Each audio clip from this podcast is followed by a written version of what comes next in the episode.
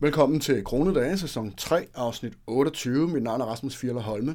Kronedage er en podcast om penge, som du kan lytte til, når det passer dig, men som bliver udgivet hver mandag formiddag kl. 10. Kronedage handler som sagt om penge, det vil sige budgetlægning, investering, opsparing i hverdagen og alt, hvad der er relevant for, at vi kan opnå så høj økonomisk frihed som muligt på så kort tid som muligt.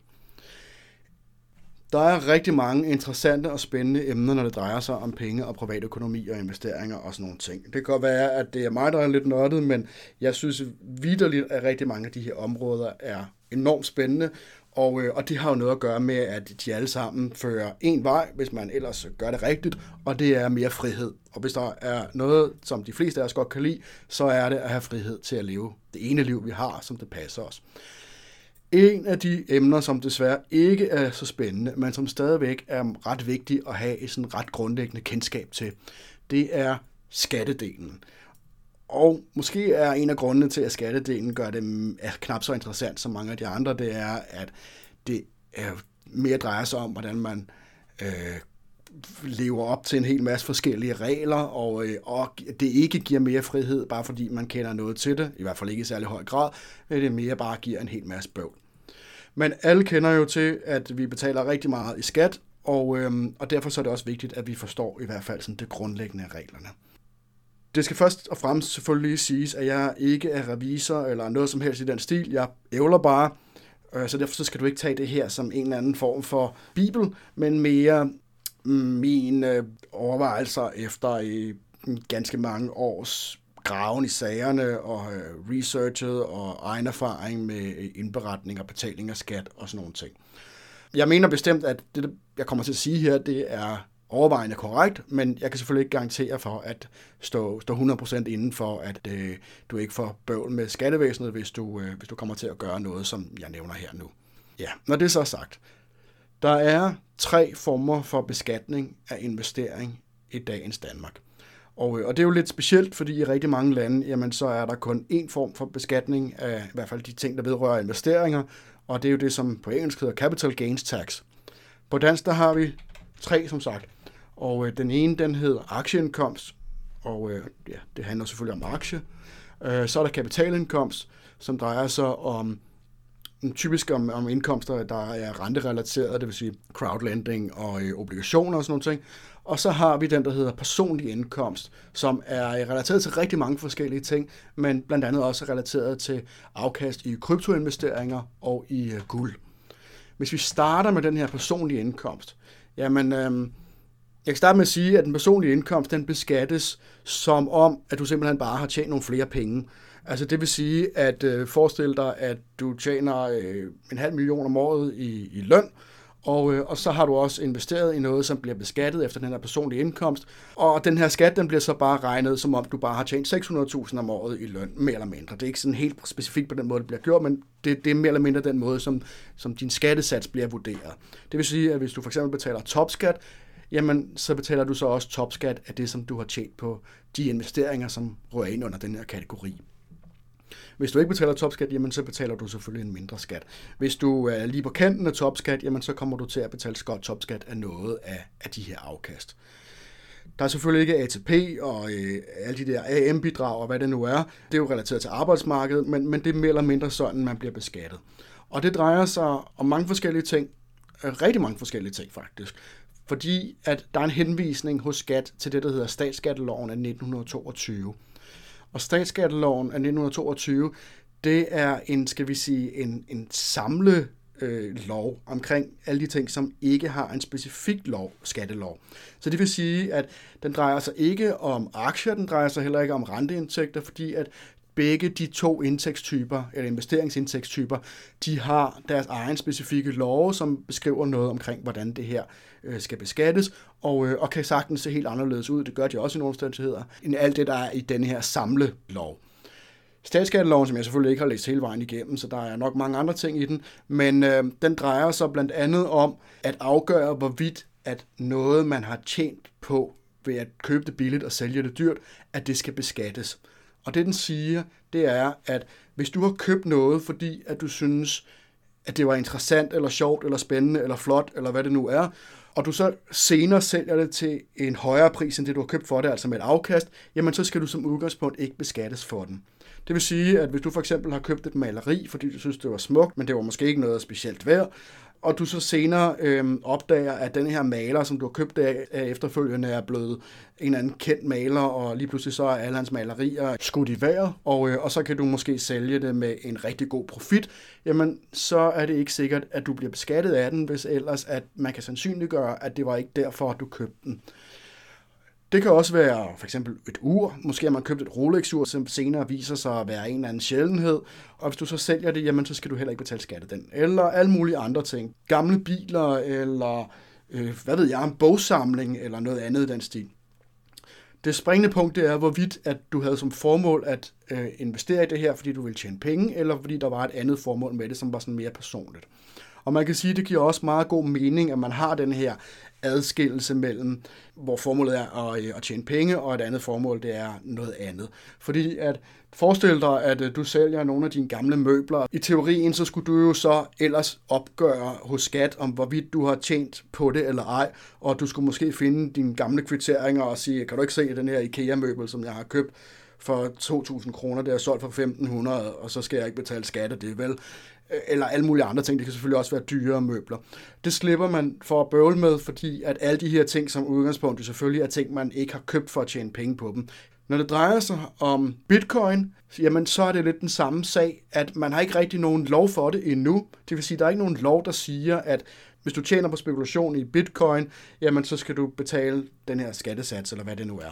Så derfor så siger, øh, så siger skat, det sagde de vist, det var efterhånden en del år siden, at de henviser til statsskatteloven, og så siger de, jamen øh, hvis du købte bitcoin, fordi du synes, det var interessant eller spændende, eller måske var du øh, lidt af nørd og, øh, og købte det for at kunne øh, rode lidt i teknologien, eller hvad det nu er, jamen så kan det godt være, at du har tjent på det, men så skal du ikke betale skat det kan man ikke rigtig argumentere for længere. Det har man ikke kun i nogle år efterhånden, fordi at det jo i dag er blevet så meget et, et uh, investeringsobjekt, at uh, der skal virkelig være en rigtig god grund til det. Det kan selvfølgelig godt være, at man måske er forsker og har uh, forsket i uh, teknologien bag bitcoin, eller hvad ved jeg. Men som udgangspunkt, jamen, så er det så kan man ikke sige, det er skattefrit. Det kunne man godt, hvis du for eksempel havde købt bitcoin i 2010, hvor du ikke havde nogen forventninger om, at det her det ville kunne give dig et, et afkast på sigt, men du synes, det var spændende og sjovt at, at undersøge og råde med, jamen så kunne man godt argumentere over for skat, at det her muligvis var øh, noget, som, bare, øh, som ikke skulle beskattes. Også selvom at du måske har tjent millioner på det.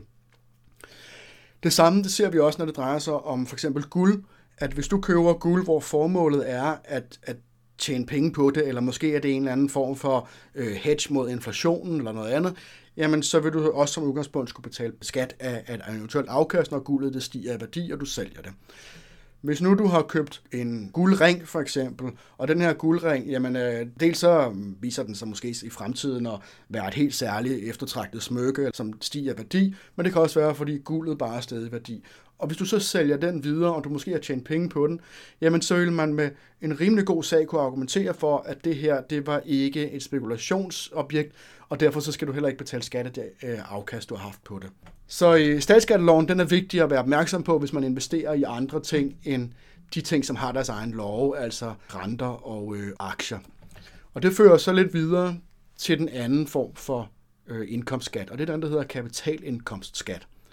Kapitalindkomstskat, den er relateret til renter eller eventuelt også afkast, hvis man har købt obligationer og solgt dem til en, til en højere pris. Så, øh, så hvis man har en renteindtægt, eller man har nogle obligationsindtægter, jamen så falder det næsten altid ind under kapitalindkomst. Alt det her, det drejer sig selvfølgelig kun om private investeringer, ikke hvis man investerer via selskab i en anden sag. Det har jeg jo også haft lavet en podcast på, så du kan prøve at søge efter den, hvis du synes, det er interessant. Anyway, kapitalindkomst, den minder lidt om den personlige indkomst i forhold til, hvordan øh, du bliver beskattet, i forhold til hvilken skattesats det er. Så hvis du har, øh, har tjent noget ved at øh, udlåne pengene og fået renter tilbage, det kan også være, at du har fået renter fra din bank, det gør man så ikke længere, men det kan være, at du har haft en særlig bank i et eller andet tilfælde. Der er jo nogle gange, de tilbyder dig. Øh, jamen, så vil, du, øh, så vil din renteindtægt blive registreret som en positiv kapitalindkomst, og det vil sige, at du skal betale skat af den. Forskellen er, eller en af forskellene, men sådan den, den vigtigste forskel for de fleste af os, det er, at Når det drejer sig om kapitalindkomst, så er der et loft på, hvor høj din sats den bliver, hvor meget din skattesats den bliver. Og den hedder 42 procent. Så når det er personlig indkomst, altså det her med krypto og guld og sådan nogle ting, jamen så kan du betale, hvad er det, 55 procent eller sådan noget, som er topskatten. Hvor er det kapitalindkomst, jamen så vil du aldrig komme til at betale mere af din kapitalindkomst end de her 42 procent, medmindre de selvfølgelig hæver skattesatsen. Men det er jo en anden sag. En ting, der er værd at være opmærksom på, når det drejer sig om kapitalindkomst eller renteindtægter, det er, at renteindtægter de udjævnes med renteudgifter. Det vil sige, at hvis du har haft et lån, og du har betalt, hvad ved jeg, 100.000 kroner om året i renter, og du så samtidig har investeret i et eller andet, som har givet dig 100.000 kroner i renter øh, som indtægt, jamen så går det i nul, og så betaler du ingen skat. Du har haft 100.000 ud i renter, og du har haft 100.000 ind, og så, vil sige, og så skal du ikke betale nogen skat. Det kan være lidt en fordel nogle gange for nogen, hvis man har høje renteudgifter forbundet med ens bolig, fordi der er nogle særlige regler omkring, jeg må indrømme, jeg har ikke sat mig så meget ind i dem, fordi at jeg jo heldigvis ikke selv skylder noget i boligen længere. Men der er noget med, at hvis man har relativt høje renteudgifter i en bolig, altså hvis man har lånt ret mange penge, så er skatteværdien af det her fradrag, man har betalt i renter, det er relativt lavt. Jeg mener, det er 27 procent eller et eller andet den stil.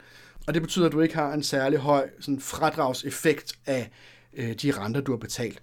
Men det betyder jo så også, at hvis du samtidig har haft nogle indtægter, som modregnes i de her renteudgifter, du har haft et eller andet sted, jamen så betaler du de facto også kun en lav skat af de her renteindtægter. Så igen, hvis du har betalt 100.000 kroner et givet år for et boliglån til den her 27% skatteværdi, og, øh, og du samtidig har tjent 100.000 eller andet sted, jamen så betaler du jo i praksis også kun 27% af de penge, du har tjent. Så det er sådan set kapitalindkomst. En ting med kapitalindkomst, fordi der, tingene skal jo ikke være så nemme, når det drejer sig om skat. Jo. Så vi skal også lige have nogle aktier ind over. Selvom der er særlige regler omkring aktieindkomst, jamen så er der også nogle tilfælde, hvor man med sin øh, aktieinvesteringer kommer til at betale kapitalindkomst.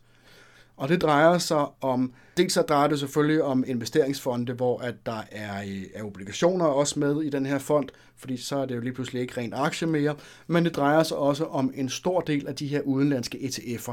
ETF'er det er Exchange Traded Funds, altså øh, en slags udenlandske investeringsforeninger. Og hvis man investerer i dem, så bliver man faktisk som udgangspunkt også kapitalindkomst beskattet. Og øh, det bliver hurtigt forvirrende, fordi så har skat samtidig også en liste af ETF'er, som de ligesom har godkendt. Hvor dem, der udstøder ETF'erne, de har udfyldt en hel masse papirer hos skat og lavet en hel masse byråkrati og red tape og hvad ved jeg. Og så har skat kigget på dem og sagt, okay, den her ETF, den er reelt kun aktiebaseret. Så derfor så kan vi godt beskatte den som en slags aktieindkomst. Vi kommer om lidt på, hvorfor der er forskellige former for aktiebeskatning. Øhm, og derfor så, øh, så bliver den ikke kapitalindkomstbeskattet. Men hovedreglen er, at hvis man køber udenlandske ETF'er, og de ikke er på skats liste, jamen så betaler man stadigvæk kapitalindkomst af både gevinsterne, men også det udbytte, som man modtager. Og, og samtidig så bliver det beskattet som efter det, der hedder lagerprincippet.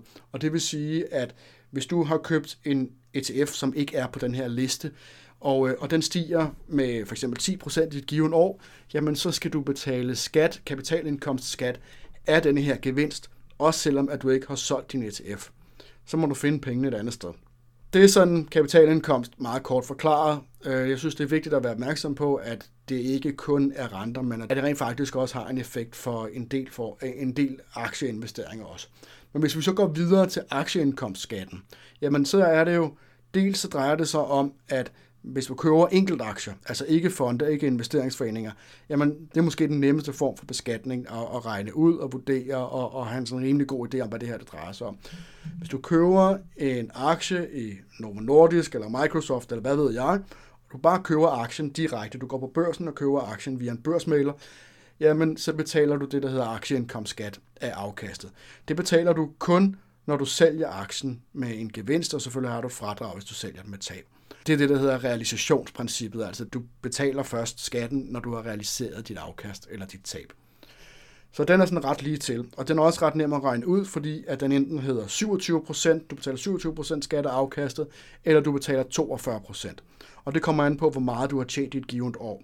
Den hedder vist op til 55 eller noget af den stil øh, 1000 om året, der betaler du 27% i skat, og så betaler du 42% af alt det over. Hvis man er gift, jamen så fordobler man den selvfølgelig, så er det ikke 55.000, men så er det de første 110.000. Så den er ret nem at have med at gøre. Det komplicerede, det kommer, når vi så skal kigge på de her ETF'er igen, de her udenlandske fonde. Dem, som er som ikke er på skatsliste, som sagt, der betaler man kapitalindkomst, så den har vi været igennem. Men så er der dem, som er på skatsliste, som er en relativt lang liste, og som jo også vokser løbende efterhånden, som der er flere fonde, der ligesom udfylder alt det papirarbejde, der skal til. Så tænker man her, at man, hvis man så køber sådan en, der er på skatsliste, jamen så er det vel bare ligesom at købe en enkelt aktie, så er det ligesom at købe en, en aktie i Novo Nordisk. Det er det bare ikke helt, fordi ja, den bliver beskattet efter satsen for aktieindkomst. Det vil sige, at den bliver beskattet som 27% eller 42%, men den er stadigvæk beskattet efter lagerprincippet. Det vil sige, at hvis jeg har købt en ETF øh, for et år siden, og så har jeg beholdt den, jeg har ikke solgt den, men den er steget i værdi, for eksempel 10%, jamen så skal jeg betale skat af den her urealiserede gevinst. Jeg vil også kunne fratrække øh, eventuelt tab, hvis, hvis den falder igen senere, men jeg vil skulle finde pengene et eller andet sted, og så skal jeg betale en skat af den.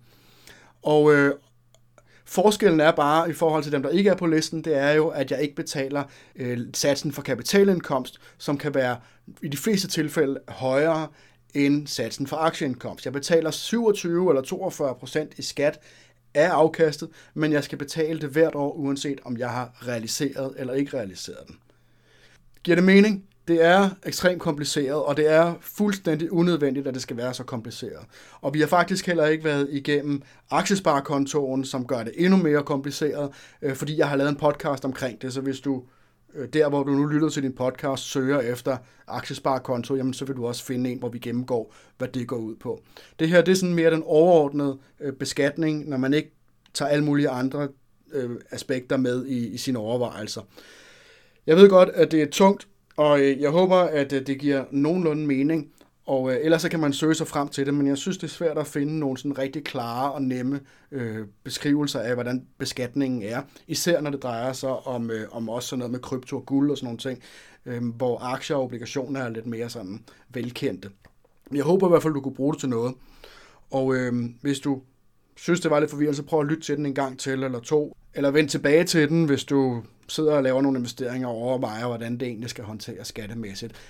Jeg vil lige slutte af med at sige, at ja, selvom det er kompliceret, så er der også øh, nogle fordele ved den moderne teknologi, og det er jo, at rigtig meget af det her bliver automatisk registreret hos skat. Og det drejer sig jo dels om aktieindkomst, men også en stor del af kapitalindkomst, i hvert fald hvis man investerer i obligationer.